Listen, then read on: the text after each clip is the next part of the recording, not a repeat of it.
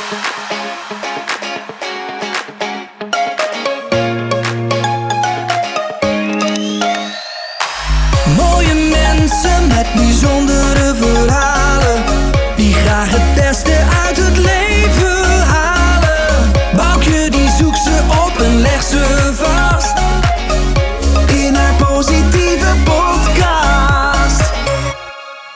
Positiviteitspodcast. Mijn naam is Boukje Jongendijk en vandaag is de gast Janneke Poort.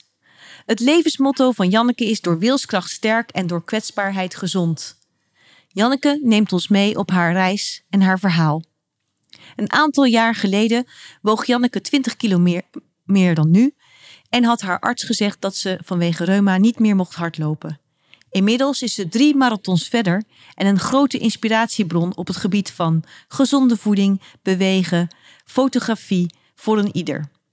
Graag laat ik je met haar kennis maken en ik hoop dat je geniet van haar enthousiasme en je laat meevoeren. Het mooie is dat het niet alleen om marathons gaat, maar Janneke zegt eigenlijk elke stap telt. Dus dat kan ook al heel klein zijn als je gewoon van je bank afstapt en een stukje gaat wandelen. Laat je meenemen in dit mooie gesprek. Hier is Janneke Poort. Hi Janneke. Hoi, Goedemorgen. dankjewel. Het is mijn eer om jou eh, te mogen spreken vandaag. Eh, een aantal maanden geleden zat ik hier eh, met Koen de Jong van Ja. Sportrusten. We hebben een heel mooi gesprek gehad over een aantal passies die ik zelf ook heb. Zoals eh, hardlopen.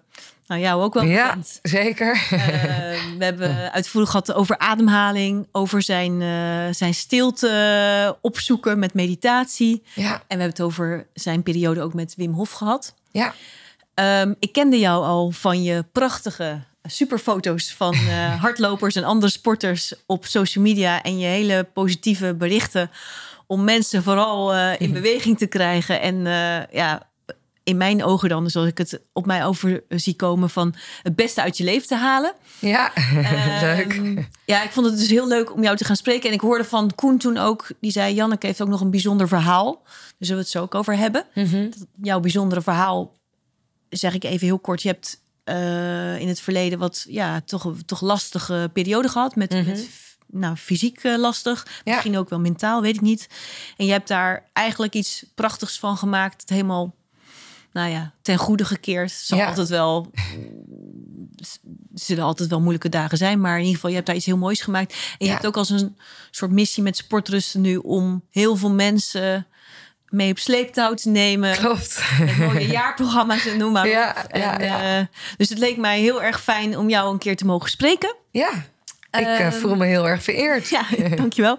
Zou jij iets eh, over jezelf willen vertellen? Van, Ja, zeker. Nou, ik ben Janneke Poort.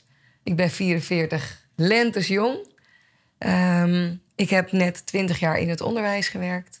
Ik werkte in het speciaal basisonderwijs met kinderen die extra ondersteuning nodig hadden. mhm. En ehm 16 jaar geleden kreeg ik de diagnose reuma. Mhm.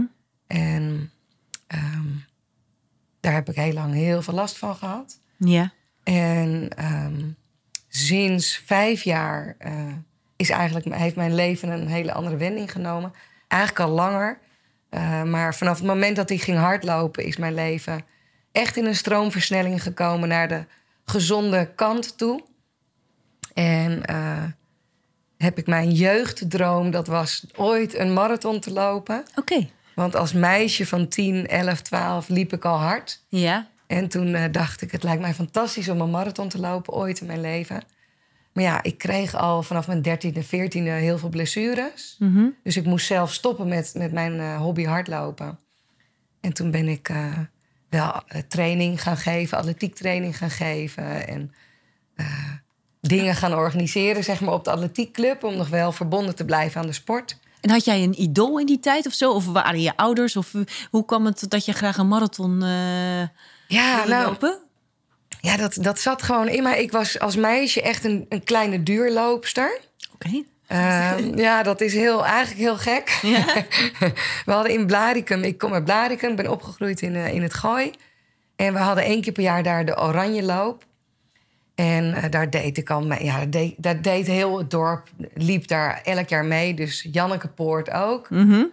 En eh, dat je als kind van 6, 7, 8. Ja, dan loop je een kilo- kilometer of drie. Nou, dat doen ze bij ons ook in het dorp. Hè, rondjes. En, ehm, maar toen ik een jaartje of acht, negen was, toen eh, ja, ging ik ook weer de oranje loop doen. Maar dan liep ik steeds maar door en door, totdat ik 12 kilometer liep. Oh, je ging gewoon... eh, ik liep, gewoon, door. ik liep gewoon door. Dus er zat iets in mij. eh, ik denk dat ik ergens diep in mij zit er een duursporter. En als kind vond ik dat dus wel Mooi. heel fijn. Dus op mijn twaalfde dacht ik, ja. toen, toen was het nog zo dat er nog heel weinig vrouwen marathons liepen. En het leek me heel stoer om tussen die mannen. Ja, want waar zat het, weet jij waar het dan in zat? Waarom er zo weinig vrouwen op dat moment... Ja, dat was, het was 1988. Ja, Ja, er liepen toen alleen maar profsporters, zeg maar. Echt, of hele goede amateurs liepen de marathon. Mhm. Eh, die, die, die, de, de groep lopers die allemaal zo'n beetje onder de drie uur finishten. Mhm. Ja, er waren gewoon nog niet zo heel veel lopers als dat er nu zijn. Dus het leek mij toen de tijd heel stoer. Van nou, tussen die kerels wil ik wel ooit een marathon lopen. Dus eh, nou ja, dat, die, wilde ik, die droom wilde ik heel graag eh, nog eens uit laten komen. mooi. Ja, En je had, eh, op dat moment had je problemen fysiek, die werden erger. ja ik, ik had bedacht, ik wil voor mijn 25ste ooit die marathon lopen. Mhm. Ehm, ja, op mijn 25ste was, eh, ja, ging het gewoon fysiek heel slecht. Mhm. Reuma was heel erg actief. Eh, dus ik kon eigenlijk niet zo heel erg veel. Of eigenlijk bijna niks. Ehm, dus hardlopen al helemaal niet. En ehm, ja, in de jaren daarna, de jaren die volgden... was het een hele lange zoektocht... van heel ziek zijn naar uiteindelijk op mijn eh 36e... dat het weer langzaamaan wat beter ging. En toen ben ik, eh, ja, dus vijf jaar geleden... of het is zes jaar geleden, denk ik inmiddels Mhm. begon ik heel voorzichtig met hardlopen. En eh, liep ik een eerste vijf kilometer. En toen dacht ik, hmm, als het zo makkelijk gaat, dan wil ik eigenlijk wel meer. Dus toen ben ik blijven lopen. Mooi. Ja, En Janneke, van ehm, jouw verhaal, eh, hoe dat allemaal is gegaan, dat is best eh, met hobbels en je hebt het helemaal zelf moeten uitvogelen. Nou had ik jou van tevoren voor het gesprek om een eh, tegeltjeswijsheid Ja. gevraagd. ja, En ik heb er best wel lang over nagedacht. De tekst die je mij stuurde, was, moet ik wel even spieken, dat was door wilskracht sterk en door kwetsbaarheid gezond. ja. Heel prachtig. Ja, ja. Maar is dit ook een soort kleine samenvatting van deze hele periode waarin jij hebt moeten zoeken van eh, niet kunnen lopen? Eh, ja, ik heb wel eens gehoord dat je de deur bij wijze van spreken eh, slecht kon open doen. ja. Dat het echt best ja, het ging echt slecht. was. Ja, ja, het was echt slecht. Eh, ja. Wil je daar eens iets over deze prachtige Ja. twee zinnen vertellen? Nou, eigenlijk, het is, een, ehm, het is een samenvatting voor mij die heel erg past nu bij, bij mij nu. Bij het, het, het, het moment van nu waarin ik leef. Mhm. Ehm, op het moment dat ik hoorde dat ik reuma had, eh, dacht ik van, oh yes, nou weet ik eindelijk wat er is. En dus kan ik aan de slag om dat ook weer te gaan. ehm, Want mag ik je Genezen, vragen zeg maar, van, eh, om je even te onderbreken. Heb jij dan een hele lange periode niet geweten wat er Ja. aan de hand was? Dus eigenlijk Ja. ook een beetje, eh, ja, je- er, wa- er was iets, maar ja, je wist niet waar je het zoeken moest ook. nee, in klopt. Nee, ik heb heel lang, ehm, ehm, eh, ja, ben ik in discussie geweest met mijn huisarts. Oh. Mijn huisarts die heeft me heel lang weggehouden bij de reumatoloog. Ehm, dus uiteindelijk heb ik ja, echt. Ik, ja, ik, ik ben op de tafel gaan zitten bij de, bij de huisarts. Van je gaat nu een brief typen. En je gaat me nu verwijzen naar de reumatoloog. Mhm. Ehm, en dat hij, daar was toen al, ik denk een jaartje of zes, zeven overheen. En hoe wist jij zo zeker dat je daar moest zijn? Of, of, Eh, nou, omdat ik, eh, omdat ik constant ontstekingen had in mijn schouders. Of eigenlijk in, al- in al mijn gewrichten. In mijn voeten, in mijn knieën, in mijn enkels, in mijn schouders. Mhm. eh, mijn handen. Eh, dus ik had altijd ontstekingen. Mhm. En eh, dat, ja, dat leek mij gewoon heel erg op reuma. Mhm. Ehm, en ja, de, de, de huisarts die hield mij daar weg, want die dacht dat het niet zoveel voorstelde. En ehm, ja, dus dat, ja, hij, hij was er niet van overtuigd, dus hij heeft me toen niet ver- verwezen. Dus uiteindelijk heb ik eh, ja, na heel wat jaren steeds weer terug naar die huisarts. Mhm. Ben ik uiteindelijk in het eh, Jan van Bremen terechtgekomen, wat nu het Reade ziekenhuis is. En daar zeiden ze echt al na twee minuten, al bij het schudden van mijn hand, zeiden ze: Oh, oké, ja, daar loopt wel heel wat jaartjes mee rond. We wachten het bloed nog af, maar dit is al zo zeker dat dit. eh, dit kan niet anders dan dat het reuma is. Dus toen, ja, ik, al die jaren liep ik natuurlijk enorm te kwakkelen. Had ik heel veel pijn. Kon ik geen pen vasthouden. Kon ik mijn fietsslot niet open krijgen. En dus op het moment dat daar dan die diagnose kwam, ja, dat was voor mij, voelde dat als, hè, eindelijk, oké, dan gaan we nu weer de berg op. En ehm, Ja, want je zegt de diagnose maar en de berg op. Ehm, had jij het idee van reuma kan ik aanpakken? Of ik weet nu wat, ik is, wat het is en nu weet ik wat ik kan doen? Of, of Ja, ik zie je had, dat? eh, ik had, ja, dat, ehm, ja, ik had heel erg het gevoel van: oké, als je weet wat het is, dan kun je er ook heel gericht wat aan gaan doen. Mhm. En ehm, natuurlijk was het eerste wat de reumatoloog zei: van joh, je hebt reuma en je houdt reuma. Mhm. En daarvan dacht ik, nou, dat bepaal ik zelf wel. Weet je, het, voor mij voelde de reuma altijd, voelt de, de functie van reuma voor mij als ehm, dat mijn lichaam niet in balans is. Mhm. Dus het- dat was voor mij een teken van: oké, Janneke, je bent al die jaren. Ben je hartstikke druk bezig. Je bent op wilskracht van alles aan het doen. Ja, dat is echt die wilskracht. Door wilskracht ben je, heb je je sterk gehouden Ja, en overal ik- doorheen geslagen. Ja, sla je je overal doorheen. Mhm. Eh, maar daaronder ligt heel veel pijn, lag heel veel verdriet. Waardoor voor mij die pijn is ontstaan. Ja, je zegt eigenlijk, eh, bij mij heeft dat zich geuit, ik weet niet even of ik het goed zeg, maar in reuma, maar dat had net zo goed eh, migraine kunnen Ja, zijn. Dus precies. eigenlijk geldt Ja. dat voor iedereen, hè? Van Ja. als je dus pijnen, Ja, die kunnen zich op een gegeven moment. eh, het gaat zich ergens ophopen. Ja, En daar kwam je achter. ja. ja dat, dat, ik wist altijd al wel van... Hey, ik, heb, ik heb dingen meegemaakt in het leven die me verdriet hebben gegeven. Mhm.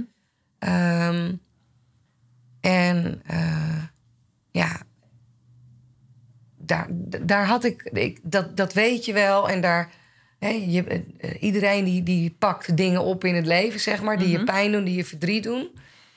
En bij mij eh, ja, sloeg zich dat in mijn lijf. En ik dacht, ja, het wordt nu ook tijd om eh, dat onder ogen te gaan komen en dat te gaan overwinnen, zeg maar. Vooral oude pijn en oud zeer niet meer eh, te laten heersen over je leven.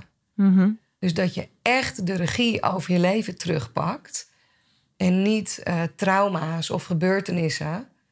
Ja, dat kan je je hele leven gaan meedragen. Mhm. Maar je kan er ook ja, vrede in gaan vinden. Mhm. En ehm, ja, het accepteren dat het er is, zeg Ja. maar. Nou heb ik eh, tijd geleden Paul Lomans geïnterviewd, Mhm. zenmonnik. En die zei ook Ja, heel erg, emoties gehoord. moet je doorleven als een Ja. soort golf door je heen laten gaan. Ja, Maar hoe kwam jij, want eigenlijk kom jij ook tot het besef van, eh, joh, kan het allemaal wegstoppen en Ja. Dan doen we een kleedje erover. ja kleedje erover en weg. Maar ja. hoe, hoe, wat maakte dat jij ineens dacht van, ik moet hier iets mee? Of, of- Nou, omdat het was voor mij zo'n boodschap dat mijn lijf riep. Die, ja, mijn lijf schreeuwde van... Janneke, alsjeblieft, ga kijken. Ga zorgen dat er weer balans komt. Mhm. Want jij bent niet al de pijn die je hebt meegemaakt. Mhm. Jij bent niet ehm, karma of oud zeer of oud verdriet. Dat ben jij niet. Dat pik je op in het leven, daar doe je wat mee. Mhm. En dat mag je ook weer achter je gaan laten. Mhm. Dus daar ben ik mee aan de slag gegaan. Heb je dat helemaal zelf mee aan de slag gegaan? Of heb je daar eh Nee, ik heb daar omgeving? Of... Ja, ik heb daar eh, mensen. eh, ja, ik geloof altijd heel erg dat mensen op je pad komen met een reden. Mhm. En bij sommige mensen kijk je eens in je ogen en dan denk je van: oh ja, dit, met jou moet ik stappen gaan zetten. Dus ik heb allerlei, ehm, ja, een beetje in de, in de alternatieve hoek allerlei ehm, acties uitgezet. Naast dat ik ook een heel medisch traject, want ik loop nog steeds in een reumaziekenhuis. Mhm. En dit jaar is de reuma ook enorm opgevlamd. Mhm. Eh, dus daar, ja, ik, ik heb daar nog steeds het een en ander mee ehm, eh, op te lossen, zeg maar. Ja, je zegt even, even terug naar het opvlammen van jouw reuma nu. Ja, Eh, Je vertelde net eh, over dat jouw moeder vorig jaar is overleden. ja, Is het dan weer een extra trigger geweest voor jou ja. dat het dan... eh, Ja, zeker. want eh, is dat zeg maar hoe dat steeds dat proces Ja. zich door. Ja, wat ik, wat ik heel erg heb ervaren... Ik heb de laatste acht jaar, of negen jaar eigenlijk... Ja, negen en een half jaar... Mhm. heb ik echt zonder pijn mogen leven, kunnen leven. En daar, daar heeft een hele gezonde levensstijl eh, enorm bij geholpen. Mhm. Ehm, Vind ik zo leuk om nog even op in te haken. Want ja, dat is dat is goed. eh, ja. ja, dat is inmiddels ook natuurlijk mijn werk geworden. ja, ja. En ja, ja dus dat, dat, dat, zijn, dat is gewoon hartstikke mooi hoe dat Mhm. is gegaan. Ehm, dus het gaat ook hartstikke goed met me. mhm. Ehm, maar in de jaren, in de afgelopen jaren ben ik ook. Ik heb de afgelopen twintig jaar in het onderwijs gewerkt. En vanaf een jaartje of acht geleden, eh, negen geleden, merkte ik ook dat eigenlijk de stress daarvan, die hoopte zich maar op, hoopte zich maar op. Eh, ondanks dat lukte het toch om ja, goed en pijnvrij te leven. Mhm. En afgelopen december eh, is mijn moeder overleden. Mhm. En dat was op een, ja, op een hele schokkende manier. Ze liet mij echt met een enorme grote schok achter. Mhm. Doordat ze, ja, ze heeft zelf gekozen voor de dood. Jeetje. Mhm. En ehm, ja, vanaf eigenlijk ja, binnen twee uur voelde ik pff, dat hele lijf, joh. Een soort Alles vlamde op. Ach, Ja. ja. alles vlamde op. Mhm. En dat was heel heftig. Dus eh, ja, het hele lijf riep direct... Oké, Janneke, hier heb je nog wel eventjes... eh, ja, maar dit is ook echt een heel, groot iets. Dat, is, Ja, eh, dat ja. is niet, eh, nee, dat niet is zomaar even iets. Nee, nee, klopt. Nee. Maar toen heb, heb jij eigenlijk, je zegt even, je bent nu weer heel, dus jij moet nu weer extra werken. Zeg ik dat goed om het lichaam weer in balans te krijgen? Moet je nu extra je best doen, omdat het toch echt een traumatische ervaring, Ja, ervaring is. Ja, nou, ik, daarom, daar komt eigenlijk ook eh, die, die- mijn tegeltjeswijsheid Ja. vandaan. Hè? Eh, door Ja. wilskracht sterk en door kwetsbaarheid gezond. Ja, Eh, eigenlijk in die afgelopen jaren was ik, ben ik op wilskracht... ben, ik, ja, ben ik super fit geworden. Nou, maar je bent ook wel stoer. Volgens mij ben je ook Ja. doorzetten. Je springt gewoon Ja. overal eh, Ja. dwars doorheen. ja, je, ik spring het ook. dat jij ook zegt, eh, meneer de huisarts, en nu Ja. is het klaar. Ja. Dat durft niet iedereen. Nee, nee ik, ben, ik ben wel een heel dapper mens, denk ik. Een, Mhm. een moedig vrouwtje, zeg maar. en ehm, ik, dus, ja, ik, ga, ik ga dingen niet uit de weg, zeg maar. Mhm. En ja, dus in de afgelopen jaren heb ik keihard gewerkt om gezond te zijn, om me super fit te voelen. Mhm. En, maar eigenlijk merk ik nu, en dat is ook eh, wat ik zo mooi vond in het gesprek wat, wat je met de zenmonnik hier ook uit Amsterdam had. Mhm. Ehm, juist dat je die emoties moet doorleven. Mhm. Ik was, op het moment dat ik reuma kreeg, heb ik een zoektocht, ben ik aangegaan van, goh, wat is nou die reden? Hè, wat is de reden dat ik die reuma krijg? Dat ik, dat ik reuma heb gekregen en niet eh, een heel andere ziekte. Ben ik enorm aan de slag gegaan. Dat is wel een hele En- grote vraag. Ingewikkeld, lijkt me dat. Eh, nou ja, nee, ja nee, het- voor mij was het zo logisch. Oh, Dat was, dat was zo logisch. ja. Dat was eigenlijk de eerste vraag die ik me stelde. Mezelf stelde. Van oké, prima. De arts die heeft mij zojuist verteld dat ik reuma heb. Dat is mooi. Nou weet ik wat het is. Wat is dan de functie daarvan? Ja, zeg je daarmee, waarom komt dit op mijn pad? Zeg maar? Of, Nou, wat, wat wil de reuma mij vertellen? ja, oké. wat is de boodschap van de ja, reuma? wat is de, wat is de boodschap van de reuma? Mhm. En ehm, nou, in de afgelopen jaren heb ik daar dus echt enorm op wilskracht heb ik enorm veel bereikt. Ben ik ongelooflijk fit en sterk geworden. En heb ik eh, drie marathons gelopen met een enorme glimlach op mijn gezicht. En Maar misschien wel goed om even hier, eh, zou je daar iets over willen vertellen? Want hoe kan het dat je bijna niet meer kan lopen en dat je op een gegeven moment eh, richting een marathon kan gaan? ja. ja, ik denk dat dat een combinatie is geweest van eh, en medicatie. Ja. Eh, want ik, ik heb een heel medicatie, ben een heel traject doorgegaan Mhm. qua medicatie. Dus ik, ik gebruik medicatie. maar die werd ehm, steeds beter of zo? Of, of dat paste steeds beter? Nou, ja, dat is nu. Ehm, en nu ik dan zie dat het zo enorm opvlamt, is dan meteen de vraag van wat doet, wat doet medicatie eigenlijk? Mhm, Ehm, in hoeverre doe je, stuur je dat zelf? mhm, En in hoeverre is het een chemisch proces dat, je, dat die reuma ook echt mhm. ja, zo enorm ondersteund wordt. Of dat mijn gezondheid enorm ondersteund wordt. Ehm, maar het- ja, dat is, het, voor mij is het een combinatie van en reuma en een enorm gezonde levensstijl. Ehm, dat me dat is gelukt. Ja, En een enorm doorzettingsvermogen. ja. Een enorm, eh, ik heb een enorme drive. Ik heb een enorm eh, vermogen eh, om heel positief te denken. ja. Ehm, het lukt mij eigenlijk niet om een hele dag me heel nukkig te voelen of heel zagrijnig. Of de hele dag heel negatief te denken. Dus daar, daar heb ik enorm veel geluk mee Mhm. Dat ik, eh, dat ik zo gebakken ben. Ja, want dan dat zeg je van dat zit gewoon in me. En er zit een stuk, heel groot stuk wilskracht bij. En Ja, dan dat- kom je het- daar. Ja, het zit, het zit en een beetje in me en daar ben ik natuurlijk ook heel bewust van. Ik bedoel, ik ben me heel bewust van de gedachten die ik heb. Dus daar stuur ik ook echt mijn leven in. Ehm, dus Daarin daarin zeg je ook, je, je, je hebt je mindset, die Ja. je, daar ben je heel erg bewust van dat, Ja, daar wat, ben je- ik- wat voor gedachten je bij Klopt, eh, ja. ja. Daar ben ik heel bewust van. Ehm, maar precies nu, hè, ik kreeg te maken met het enorme verlies van mijn moeder. mhm, Ehm, er zat veel pijn in de relatie die ik had met mijn moeder. mhm, Het was, eh, we hadden een ingewikkelde relatie. mhm. Een hele mooie, eh, we hadden een hele mooie relatie, maar ook heel ingewikkeld. Waar ik juist enorm de, eh, de, ge- de gezonde kant op ging, was mijn moeder veel meer van ehm, ja, wat meer richting zich slachtoffer voelen. Mhm. En ik was veel meer van ik wil het leven bij de strot grijpen. Ja, heel moeilijk als je, Ik, als je eh, dat bij, je, bij iemand die je zo naast is, dan ziet. Ja. Hè? Ja, ja dat vond ik heel, heel, heel ingewikkeld. Mhm. Ehm, Want jij kan een heleboel mensen motiveren. ja, Maar zeg je daarmee ook van het was heel moeilijk om mijn eigen Ja, moeder ja, mijn te moeder- motiveren? ja, dat kreeg ik niet voor elkaar. Heftig, ja. Ja, Mhm. ja zeker. Nee, dat, dat, dat, dat was voor mij echt een struggle altijd. Mhm. Heel, heel ingewikkeld. En dat maakte ook vanaf het moment, hè, terug naar, dat, naar die tegeltjeswijsheid... Mhm. van hè, door wilskracht sterk, maar door, door kwetsbaarheid gezond. Wat ik nu zie, is dat ik door die enorme positieve mindset... door die enorme drive, door die enorme wilskracht... heel ver ben gekomen maar de dingen echt bij de kern pakken, dat is gewoon puur keihard die emoties gaan doorleven.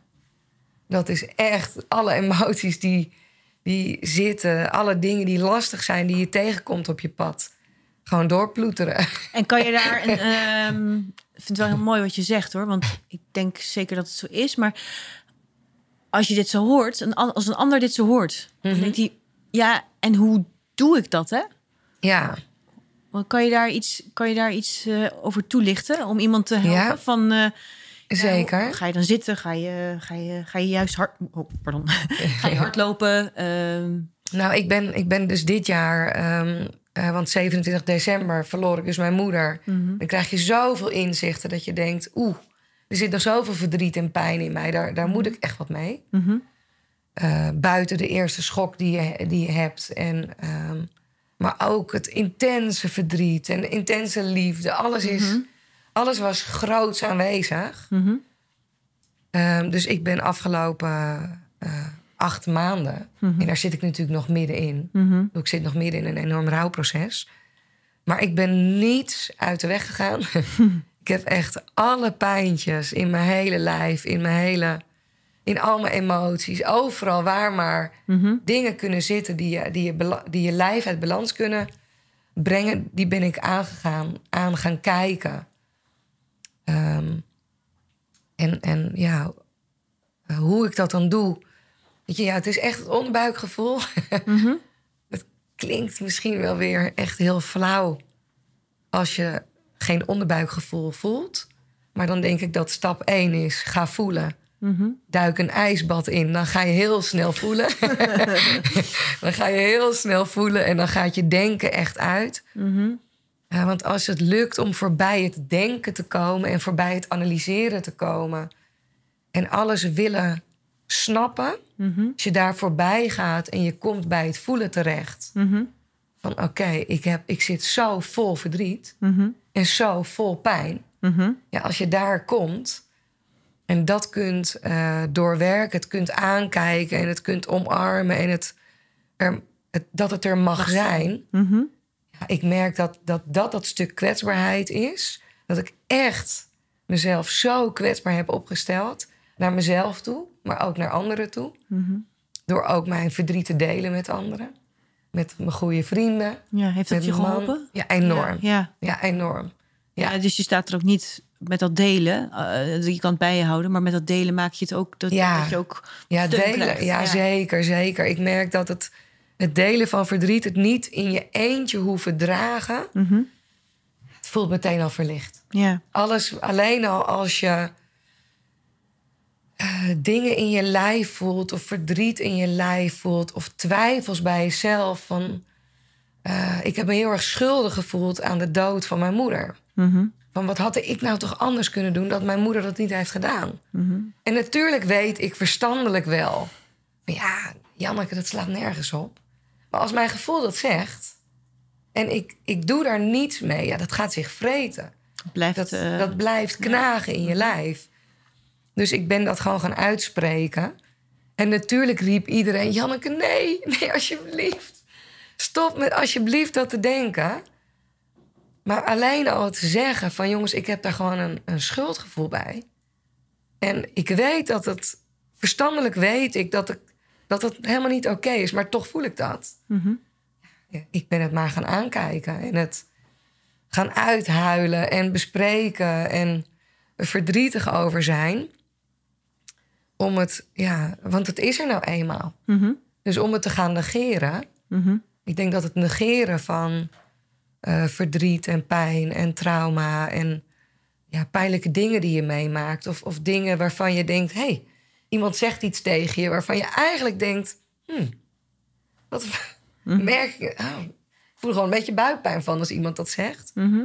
En je, je laat dat, ja, dan eh, gaat zich dat ophopen. In mij is dat zich gaan ophopen. Ja. En daarmee heb je dus, je zei het net heel mooi, je kwetsbaar opgesteld. Ten eerste naar jezelf, Ja, maar ook naar anderen. maar ook naar Ja. anderen toe. Ja, ja. En is dat ook dan wat je net zei van de reuma had mij een boodschap te vertellen en, en dat je toen ook die kwetsbaarheid moest opzoeken met die vraag? Of, of Ehm, bedoel je daar iets anders mee? Nou, ik denk eh, voor mij staat, want, ja, voor mij staat de reuma nu nog dat ik in een proces ben, eh, dat ik nog in verdriet ben en dat ik nog heel erg bezig ben om dat Mhm. Ja, allemaal de ruimte te geven, te, te laten, te- het er te laten zijn. Mhm. En ik merk wel dat langzaamaan de rook een beetje begint op te stijgen. Ehm,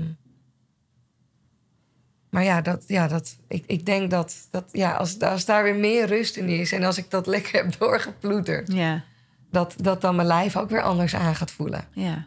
Ja, En ehm, ondertussen ben je gewoon, eh, loop je 31 kilometer en eh, Ja. gaat het lekker door. Mag ik met jou nog eens heel even naar dat punt van eh, wat ik heel bijzonder vind, is ehm, jij hebt ook het voor elkaar gekregen om met, nou ja, wat zwaarder te zijn, ja, een stuk lichter te worden. Ja En klopt. jij vertelde net iets over je levensstijl. Ja. Zou je daar eens, i- iets over willen toelichten van Ja, eh, wat jij hebt gedaan? Want eh, Ja. had jij al, eh, ik- ja, ik weet niet, was er zo'n verschil ook met je voeding? Of had jij, eh interesseerde het je eerst niet? Want je bent nu, ben je zelfs recepten aan het delen. Je hebt hier fantastische nieuwe Een nieuw recept. gemaakt. Ja, van Nieuwe trail, ze? De trailbonkies. trailbonkies. Als je En, een eh, eind gaat hardlopen, is dit het Ja, perfecte. ik ga het straks ook lekker proberen. Maar eh, wat me dan heel erg intrigeert is van... eh, ja, hoe, hoe ben jij... Ja, jij zegt zelf, ik ben 20 kilo lichter. Ja. Er zijn natuurlijk een hoop mensen die... Van welke oorzaak dan ook, of het Mhm. medicijnen, ziekte, eh, gewoon omdat ze veel eten of andere, Ja, eh, dat ze te kampen hebben met eh, meer gewicht dan Ja. lief is. Hè? En ook Ja. eh, als je bijvoorbeeld wil gaan sporten, is het natuurlijk veel lekkerder als je Ja. wat lichter bent. zeker, ja. Wat heb jij voor eh, ben jij meteen rigoureus je levensstijl gaan veranderen? Of ehm, Nou, ik heb, ik heb heb, je gedaan? ja, ik heb me altijd al geïnteresseerd in, eh, in voeding. Ja? Ehm, eigenlijk vanaf- het moment dat ik op mezelf ging wonen, heb ik me altijd bezig gehouden, wel met voeding. Had ik altijd gezond? Nee, zeker niet.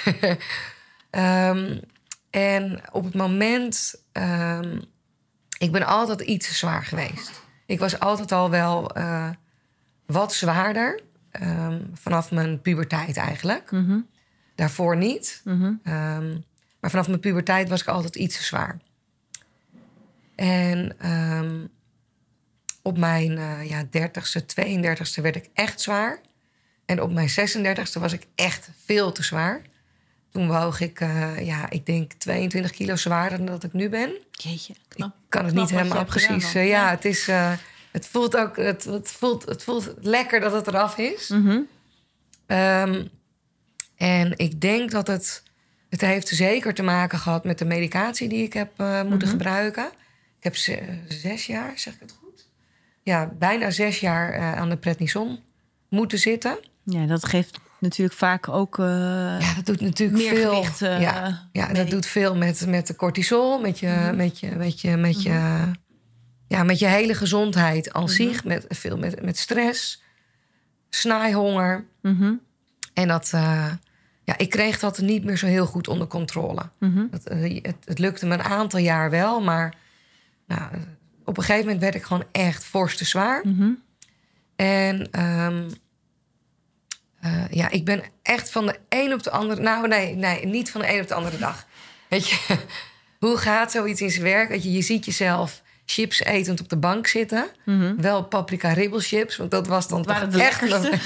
dat, dat waren de lekkerste. En ik werkte heel hard hè, op mijn schooltje. Ehm, ik sportte niet. Ik maakte veel te veel uren op een dag. Mhm. En aan het einde van de dag heus geen zin om te koken. Dus je haalt eten, je doet, je doet makkelijk. Ja, was je interesse in eten op dat moment ook minder? Ja, ik had er helemaal geen, ik had er gewoon geen energie voor om, eh, om me met gezonde voeding bezig te houden. Mhm. En alles roept en schreeuwt. En het, het begint met fluisteren.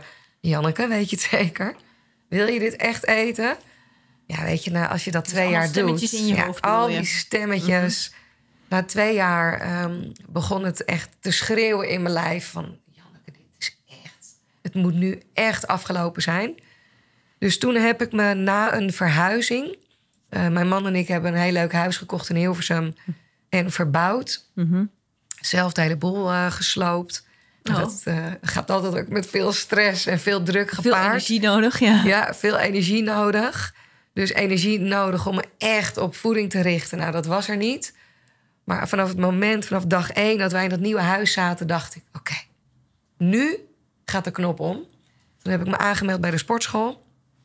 Ben ik eerst eh, drie maanden me op, de, op zo'n stepapparaat eh, gaan storten. toen was ik een kilo of zes kwijt. En toen dacht ik, nou, ik denk dat ik dan nu wel kan gaan hardlopen. Oké.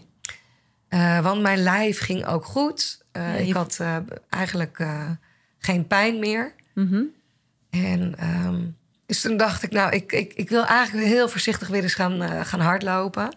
Want je had eigenlijk nog dat mooie jeugdgevoel bij hardlopen. Is dat Ja. wat jou bracht dat Ja, je heel je- graag dat wilde oppakken? Ja, kijk, dat had ik. Ik had al, ja, wat is het? ruim 25 jaar niet meer hard gelopen. Ja, zoiets. Ik weet niet eens meer Kan precies hoe lang. Maar niet voorstellen. nee, ik, ik kan het, nee, als ik nu drie dagen niet heb hard gelopen, dan begin dan word ik onrustig. maar toen, eh, ja, ik, ik dacht, ik zou het wel weer eens willen proberen. Gewoon om te kijken wat mijn lijf gaat doen. En hè, mijn lijf voelde steeds wat sterker. En dus ik dacht, nou, ik ga het gewoon eens proberen met het hardlopen. Toen begon ik een poosje met Evie. Ehm minuutje hardlopen. Zo'n dame die je toespreekt. Ja, ik ken dat wel van ik ben vier op u. Oh. oh, dat is een Belgische Ja, dame. het is een Ja, ja, ja. Belgische dame. Maar ik, ik werd, ik werd er helemaal zagrijnig van. Dat ik dan en een minuut...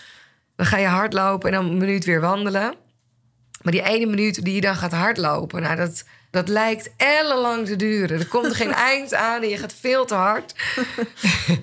Dus je krijgt ook nog van... Nou, ik kan er niet eens een minuut hardlopen. Wat Oh ja. is dit?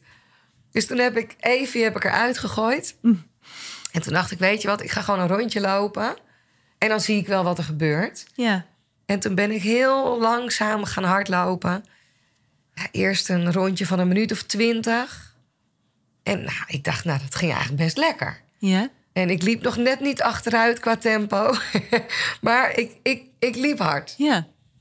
En ehm, dat ben ik eigenlijk zo eh, zes weken gaan doen.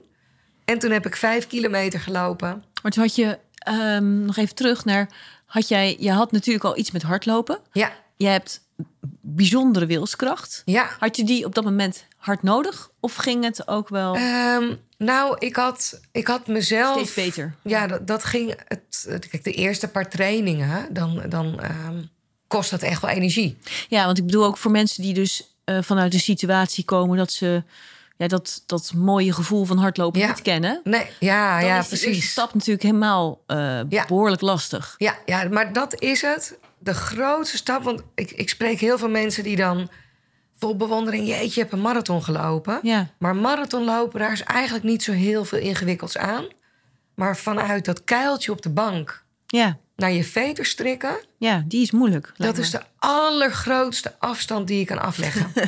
ja, dat is... Dat Ja. is en, en ik wil heel graag mensen motiveren om dat te doen. Eh, want de, e- elke stap telt. Al ga je 10 seconden hardlopen Mhm, en je gaat daarna wandelen... mhm. En je gaat 10 minuten wandelen en daarna eh 40 meter tot aan de volgende lantaarnpaal hardlopen. Mhm. Het zet zoveel in je lijf in werking. Mhm. Echt letterlijk elke stap die doet wat. Gaat energie opgeven. Gaat energie opleveren, bedoel ik. Ja, en, en Ja, dus eigenlijk kan je ook heel klein beginnen. Heel Dat zeg je klein. daarmee? Of? ja, ja. heel Mhm. klein. Ja. ja, ik ben enorm van met hele kleine stapjes beginnen. Mhm. Ondanks dat dat in mijn verhaal helemaal niet zo klinkt. Ehm, maar in feite ben ik ook met hele kleine stapjes begonnen door ehm, bij een sportschool naar binnen te stappen. Dat is al heel wat, hè? Dat is al heel Ja. wat. Gewoon echt die deur binnen te gaan. En al die testosteron mannen voor zo'n spiegel te, te zien staan. En je wil eigenlijk... Weet je, die staan allemaal zichzelf te bewonderen in, in, in die spiegel. Nou, je wil eigenlijk echt gillend weg. Ja, je zegt het wel heel mooi en eerlijk. Want eh, ja, dan voel je je echt niet zo. Nee, je eh, voelt zoals je, nee voelt. joh, je denkt eh, echt... Daar sta ik met mijn te dikke kont.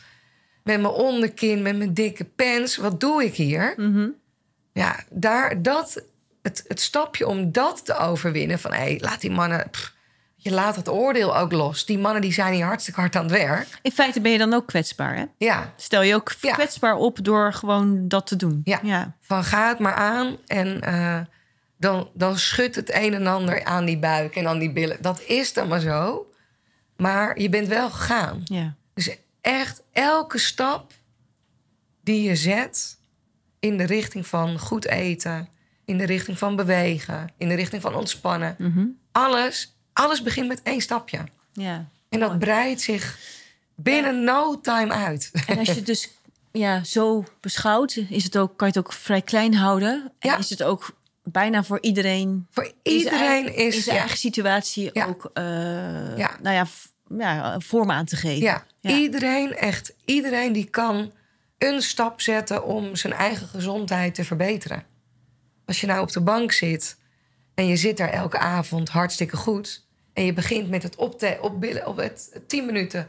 Het zitten op de bank, even die benen optillen. Mhm. En je gaat gewoon voelen. Hey, het voelt echt best lekker. dat, dat, dat bloed gaat stromen. Mhm. Dus je kan altijd, iedereen kan altijd een stap zetten. Ja, dat is mooi. Dat is een hele mooie, hele mooie boodschap. En eh, Janneke, nou ben ik benieuwd. Van, jij, eh, ik mag eh, zoiets. Ja, zeker. Ja, Jij ook helemaal aan de slag gegaan met, met de voeding, hè? ja klopt. Hoe is dat, hoe is dat avontuur gegaan? Nou, dat avontuur is je had begonnen. een nieuwe keuken in je nieuwe huis? Of? Ja, ik had, ik had inderdaad een nieuwe keuken in mijn nieuwe huis. Dat was enorm motiverend.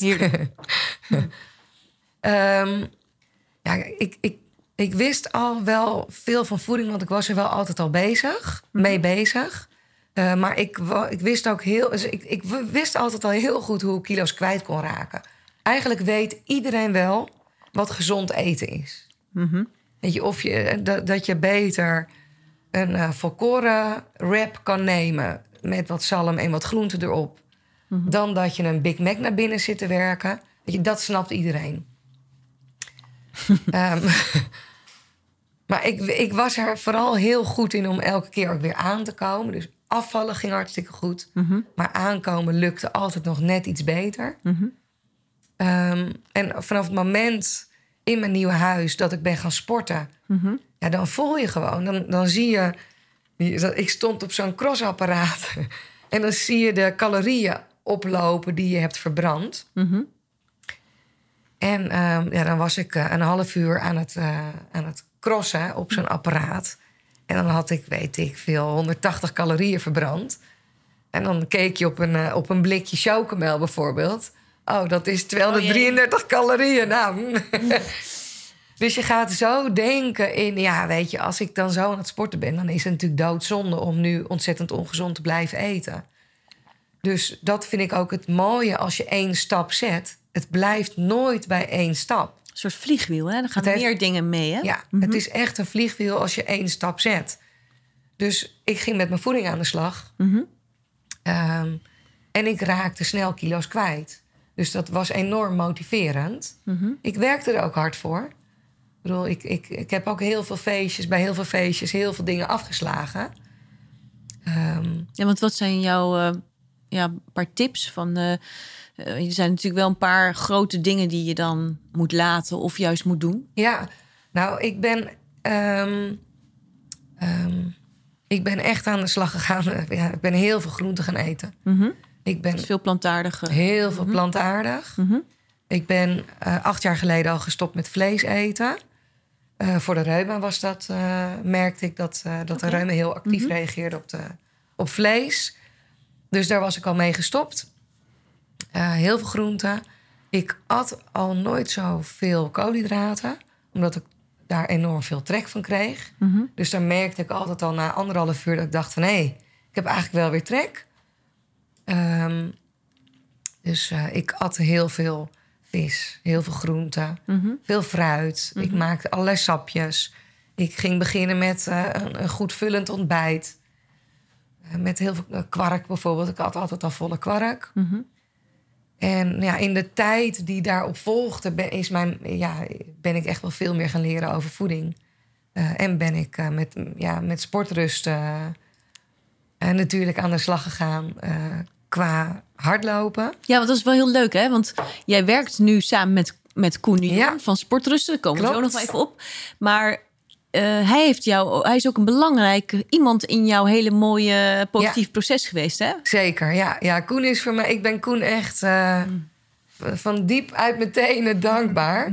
Eh, want eh, ik kwam in aanraking met sportrusten. Ja? Ehm, net nadat ik de eerste vijf kilometer had gelopen. En iemand tagde mij op een bericht, bij een bericht op Facebook...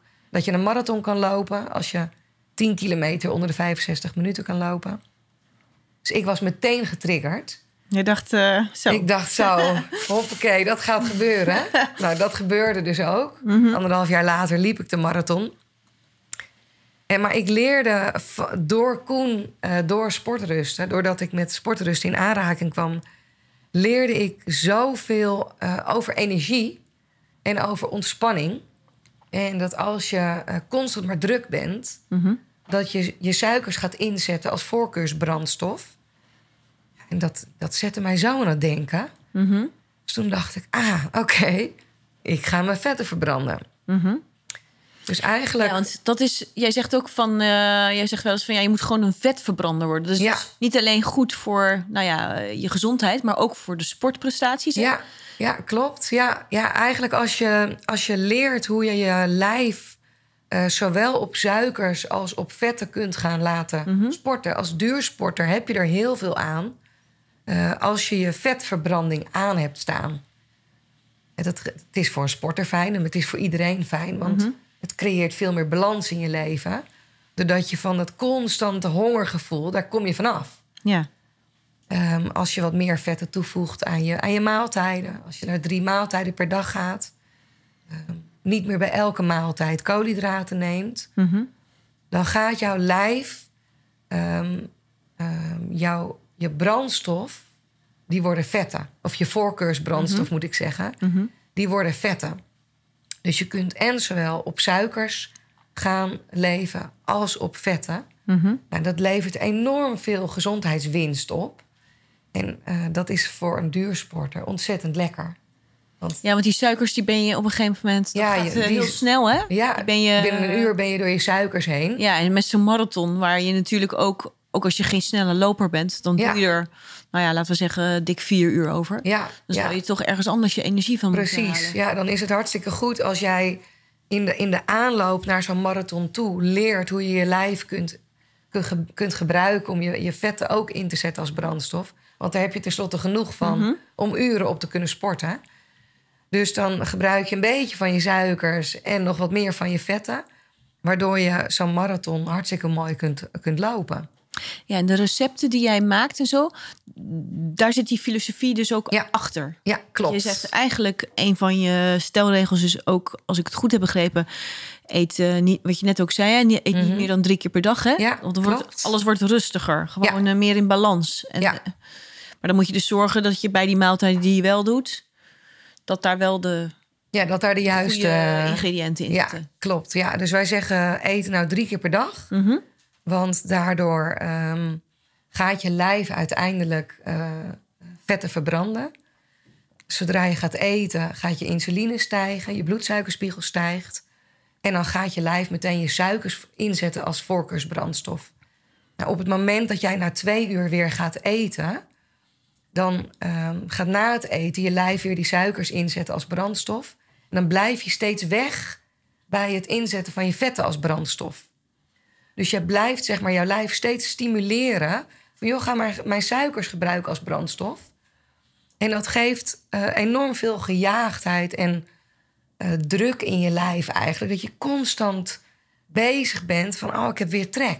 Ja, dus als die suikers op zijn, dan, dan gaat het je heeft- als het ware roepen erom. Ja, die gaat roepen van, joh, eh, gooi er nog eventjes wat in. Want ik, ik ga bijna, ik val bijna flauw van de honger. Ja, en die vraagt, dan is de neiging naar, nou ja, wat, wat minder goed eten, zou ik maar zeggen. Dus gauw suikers. Ja, je is gaat dan groter natuurlijk. Ja, ja, je neiging om dan naar koolhydraten te grijpen of naar suikers te grijpen is veel groter. Mhm.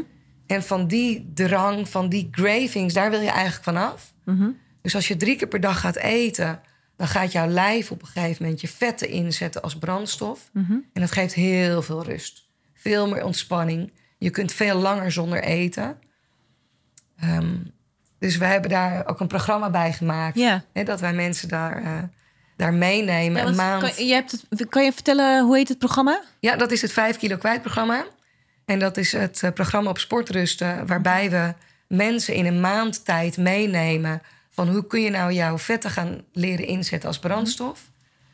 Ehm, en het is helemaal niet gezegd dat jij in die, in die maand 5 kilo kwijtraakt. Heel veel mensen wel, maar sommige mensen ook echt niet.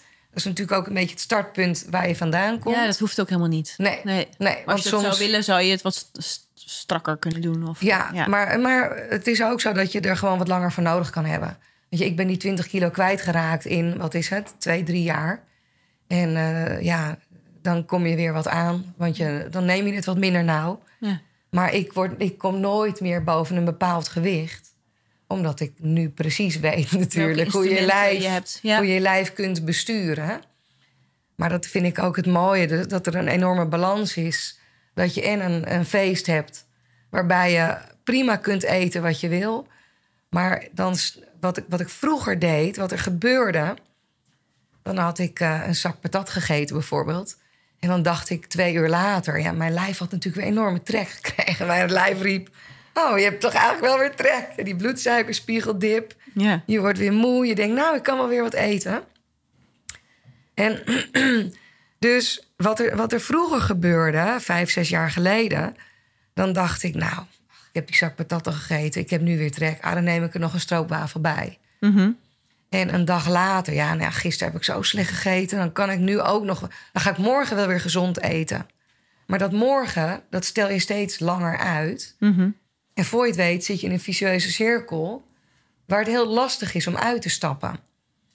Nou, en, en met dit programma leer je de handvatten. dat je, en een, dat je ontzettend goed en gezond kunt eten. Met gerechten waarbij je leert hoe je je vetten leert inzetten als brandstof.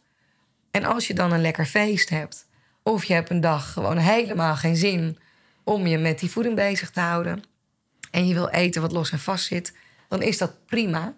Maar dan leer je ook van hoe kan ik dat nou weer terugpakken. Ja, is beheersbaar geworden. Ja, het is enorm beheersbaar geworden.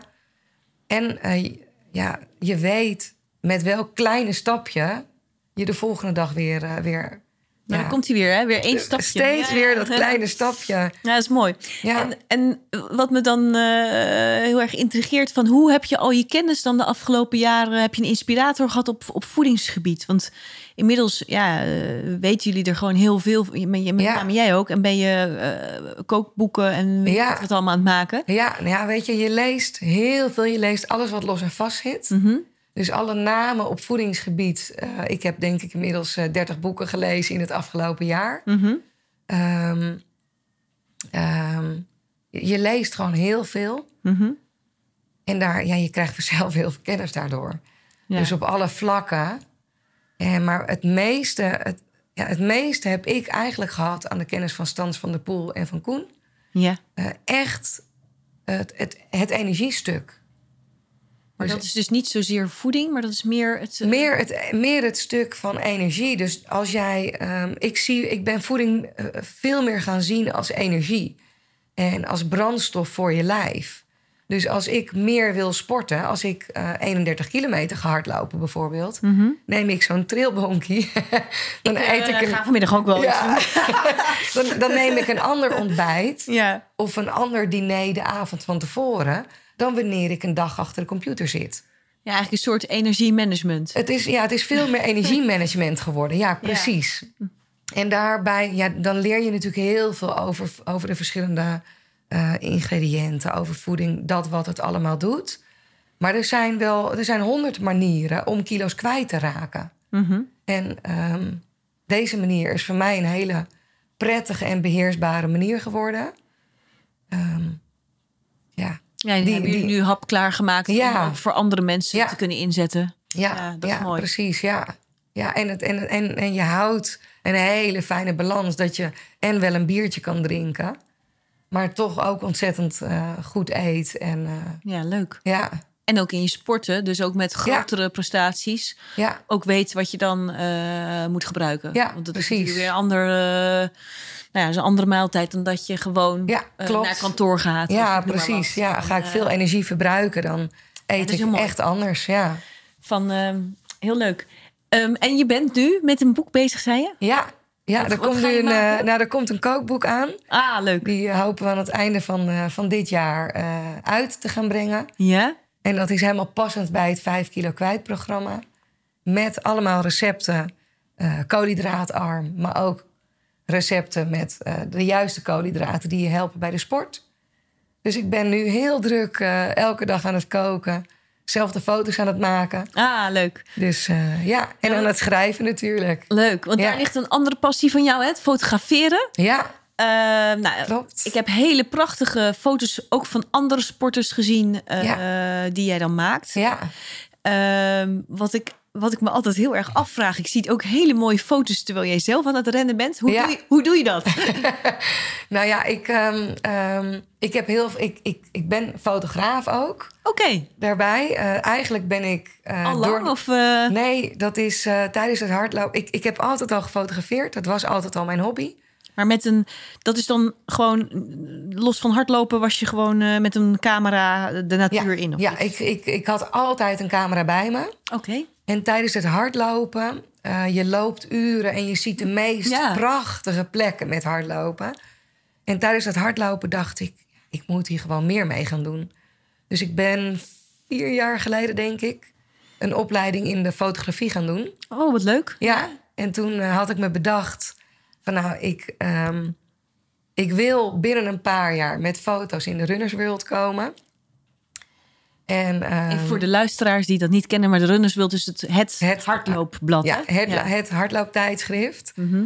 En ik was eigenlijk die droom alweer een beetje vergeten. Maar vorige maand eh, stuurde een vriendin van mij een foto die ik van haar had gemaakt. Die stond in de Runners World. Oh, wauw. Klein. Ah, leuk. Dus Maar toen dacht ik, oh hé, hey, ja, dat is ook zo. Dat, dat plan had ik. Ja? Maar eigenlijk is het veel mooier geworden dan dat. Want ik heb inmiddels eh, mijn werk kunnen maken van, van eh, hardloopfotografie. Of van fotograferen binnen de hardloopwereld. En zo ben ik ook eigenlijk bij Sportenrusten terechtgekomen. eh, dat ik eerst een fotoshoots met Koen deed voor de website. En toen bleek dat we zo'n enorme klik hadden. En natuurlijk op voedingsgebied Ja. en op, eh, op het loopgebied. Ja, het vult elkaar ook mooi aan. Ja. Eh, leuk. Ja, dus zo zijn we bij elkaar. eh, ja, hebben we alles kunnen samenvoegen. Ja. Tot nu. En echt een perfecte baan die ik heb gecreëerd. Zo. ja, want je hebt echt je onderwijs, ben je helemaal gestopt. Ja, het En onderwijs hoe lang is. zit je nu bij Sportrusten? ik ben nu precies een jaar het onderwijs uit. En afgelopen oktober ben ik officieel begonnen bij Sportrusten. Mooi. Dus bijna een jaar. En, maar al wel eh, wat langer bezig. We zijn vorig jaar al eh, eerder in het jaar wat begonnen met elkaar eh, met samenwerking. Dus ja, zeg, zeg ruim een jaar dat we, Nou, dat dus je echt aan het samenwerken helemaal je passie. eh, Ja. Je werkt en eh, ja, ik gewoon fotografeer. je. Ja. Ik hou me bezig met hardlopen, met Ja, voeding. En als jij dan zelf aan het rennen bent, hoe moet dat voorstellen? Heb je dan Oh ja, gewoon dat- met je mobieltje ben je dan aan het fotograferen? Ja, ja, Of- precies. Nee, dat wilde je natuurlijk weten. foto's. En ik, en ik vraag Ja. me dan ook altijd af. Dat, Ja, van hoe doe je dat? Ja, en ik ben dan ook benieuwd. Want eh, er zijn natuurlijk een hoop hardlopers die zijn via Strava. Daar zit jij Ja. ook op. Dus dat is het programma waarin je dus eigenlijk je route tentoonstelt. Je kan er foto's bij plaatsen. Maar dan zie je natuurlijk ook je tijd. Ja. Ga jij stilstaan of ben jij tijdens het rennen zo... eh, Nee, ik heb. Nou ja, eh, ik, ik laat soms foto's van mezelf maken. Als ik dan fotoshoots heb, dan, Ja? heb, ik, dan heb ik ook mijn sportspul aan. Dus dan zeg ik, nou, maak voor mij ook een paar foto's. Oké, ja. Maar ja, ik doe ook tij- tijdens het hardlopen, als ik dan een mooi plekje zie, dan zet ik mijn, mijn camera of mijn telefoon even neer. En dan, dan schiet ik een foto. Ja. Zet ik hem even op een, af van... eh, zet ik hem even op een timer. Ja, het is natuurlijk heel stom, maar ik vind het zo leuk dan. Dan denk ik, oh, dit is zo mooi. ja. Ja, en, Zo'n mooi en, plekje, eh, daar moet ik even een foto van schieten. Ja, dat, dat, heb ik namelijk als ik zelf ren ook. Maar dan vraag ik me altijd, ik moet altijd aan jou denken. Hoe doet ze dat eigenlijk? Gaat ze dan? eh, Ja, en, en ik ben ook wel benieuwd van. ehm, ik had een tijdje geleden met eh, Pieter Vrijters een interview en die had het vooral over van. eh, eh, kijken. Nou, dat heeft niks met fotografie te maken, maar ik vroeg me dat af. Is nou met foto, je maakt gewoon bijzonder mooie foto's, maar is dat nou ook een manier van juist heel goed kijken? Of, of wa- waar zit hem dat in? Of een ander perspectief? Of, Nou, ik kijk altijd heel erg naar lijnen en compositie. En ik, ja, ik- ja, van de omgeving. ja, van de omgeving. Ja. Ehm, ja, ik, ik, ja, ik noem het ook altijd mijn foto-oog. Soms moet ik echt tegen mezelf zeggen... Janneke, foto-oog uit nu. En blijf hardlopen, want anders dan stop ik Ja, om de kan je 10 bijna meter. stoppen. Want ik zie eigenlijk overal zie ik wel mooie plaatjes in. Ja. Dus ja, dat, dat, zit, gewoon, dat zit gewoon in mij. Dat, dat, eh, dat zit in mijn gebakken, zeg maar. Dus ik zie altijd wel, ik zie altijd iets moois. Ja, leuk. Maar Ja. het is ook een manier van kijken, hè? Ja. Het, het fotograferen, ook om te leren. Gewoon heel veel Ja. proberen eh, te doen. ja. Mooi. En nou, ehm, hebben jullie met Sportrusten heb je, hebben jullie tegenwoordig een eh, prachtig jaarprogramma. Ja, Waarin jullie elke maand eigenlijk een, eh, een uitdaging aanpakken. Hè? Want we hebben het eigenlijk nog helemaal niet over kou gehad. Maar jij bent nu ook extra de kou gaan opzoeken. Want ik, ik zag dat je gaat naar een freeze lab, zeg ik het goed? Klopt, ja. Eh, kan je mij uitleggen dat, want ik, ik heb het zo begrepen dat dat dan super koud is, dus min Ja. 110 graden Ja. Celsius. Ja, klopt. Eh, wat dat, eh, wat betekent dat ten opzichte van zo'n zo'n zo'n methode dat je gewoon eh nou, de gracht inspringt of zo? Ja. Heb je dit bewust? eh, nou, ja, ik heb ehm, afgelopen eh, winter heb ik helemaal de kou niet opgezocht. Mhm. Want het verdriet van mijn moeder was zo groot. Mhm. en ik kon gewoon de kou niet velen, zeg maar. Ik had Hoe alleen deed je maar... het voorheen, zeg maar dan? Van, Nou, ik ga. ehm, ik heb eh, het geluk dat mijn, mijn buren die hebben een bad in de tuin. Oh, En eh, toen wij een aantal jaar geleden met elkaar spraken over kou, hadden ze besloten om die in de winter ook te laten staan.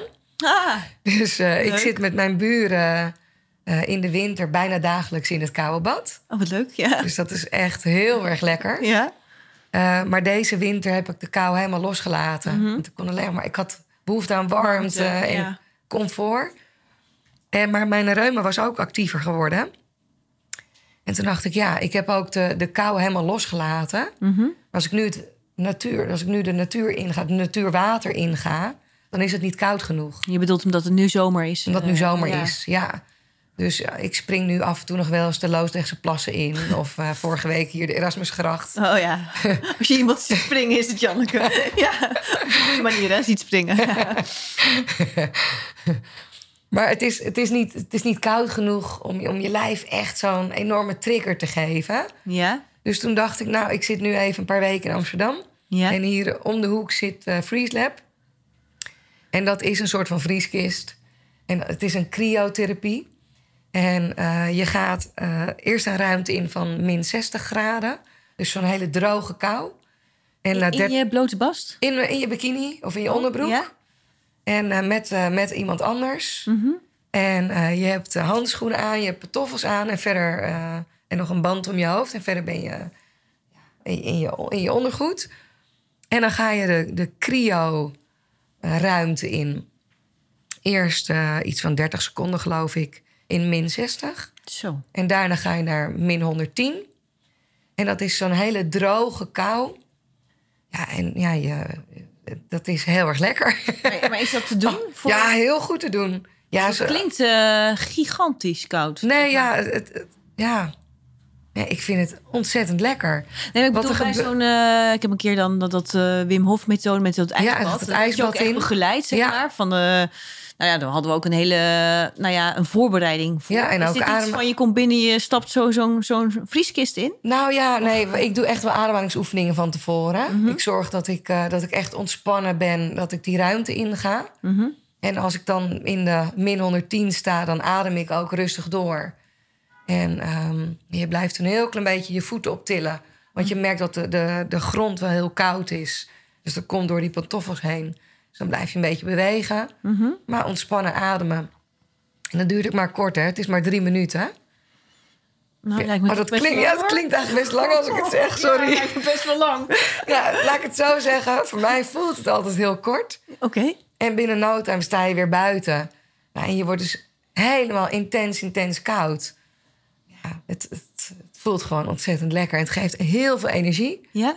En ik hoop ermee dat ik, eh, dat ik de reuma weer wat rustiger er eh, mee krijg, zeg maar. Oké. Ja. Ja. van... eh, ja, bijzonder. Ja. Ja, ja. ja dus het, het, het verlaagt ontstekingen.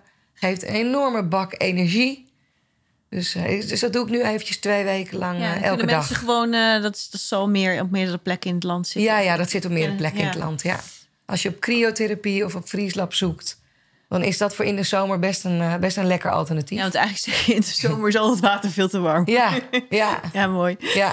ja. En dan eh tenslotte... En ik, moet- ik moet wel zeggen dat ik natuurwater, gewoon in de winter, vind ik echt veel lekkerder. Ja, maar is ook de beleving misschien Ja. nog wel. Dat je eh, dan als enige in zo'n ja, zo'n water gaat. Ja. Dat is wel, wel leuk ook, hè? Ja, Ehm, nou zijn jullie deze maand, eh, dat is de maand augustus. Ja. Met sportrusten staat de uitdaging van een eh, social media dieet. ja klopt. En ik was nog even heel erg benieuwd. Jij bent eh, super actief op social media Ja. op een hele leuke manier. Hoe je dat zelf doet? Doe je mee? Of, of, ja, ja, ik doe zeker mee. Ja, ik heb... ehm, Want dat is ook ik, wat mij dus daarin, wat ik me heel erg afvraag. Want jullie hebben daar ook een stukje eh, voor je werk, hè? eh, Mhm, ja. promoot je. Ja. Ik ben ook zelf nog zoekende wat ik nou met social media moet voor de podcast. Ja, Maar ik vraag me dan ook af als je dan, eh, ik denk dat zo'n social media dieet heel erg goed is. ja. Maar hoe doe je dan je werkzaamheden nog? Ja, nou, ik, wij hebben afgesproken eh, maximaal een uur per dag op social media. Ja? Ehm, en ik gebruik inderdaad social media enorm voor mijn werk. Eh, alleen al als ik op Facebook kijk, we hebben vanuit de programma's met sportrusten hebben we hele actieve Facebookgroepen. Mhm. En iedereen eh, zet er elke dag berichten. En ik wil bij iedereen altijd even proberen te reageren. Ja. Nou, ik, ik merk dat dat echt lastig is knap, binnen dat ja. uur. maar wat ik nu heb gedaan... ehm, Koen die zei al van tevoren... ik ben benieuwd, kan Janneke Poort zonder social media? nou, en hoe gaat het, Janneke? nou, wat ik heb gedaan... ik heb eh, op mijn telefoon... Op heb ik een, ehm, een tijdslot gezet. Eh 30 minuten eh, Instagram en 30 minuten Facebook. ja?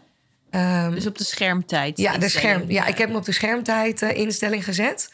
En ik heb ehm, ehm, mijn telefoon nu sinds 1 augustus. Ik, ken, ik, ik wist helemaal niet dat ik die functie in mijn telefoon had. Maar het is dan toch wel interessant om, eh, om zo'n zo'n uitdaging te doen, want je leert meteen weer veel. Eh, nu, ik zet mijn telefoon nu heel vaak op tijd voor mezelf. En dan schakelt hij alle apps op eh, niet actief. Dus dan krijg je geen appjes binnen. Je krijgt geen Instagram en Facebook berichten binnen. Tijd voor jezelf. Ja. Heb dat- je die zo genoemd? Of die heet Nee, zo? dat heet zo. Binnen, binnen Samsung. Oh? Ja, iets van het kopje welzijn, nog iets. Dus je hebt daar hele... Echt, ik vond het echt super handig. Dus ik, die heb ik nu steeds aanstaan. Mhm. Omdat ik me ook wil focussen op mijn boek. Eh, dus ja, je, je merkt gewoon... Als, als, als ik die telefoon... Ik wijs die kant op omdat hij daar ligt. Daar ligt hij. Ja. Ja, dan voel je dat ding branden. Mhm. Je denkt, oh, eventjes iets opzoeken. Mhm. Ik google even snel iets. Hoe laat Freeze Lab open is, bijvoorbeeld. Nou, dan zie je alweer, oh, ik heb wat berichten op Instagram. Nou, voor je het weet zit je in zo'n loopje... dat je allerlei dingen aan het bekijken bent. En nu ik dus de functie tijd voor mezelf heb ingeschakeld... merk ik dat ik veel minder tijd aan mijn telefoon besteed. Ik moet eerlijk zeggen, gisteren...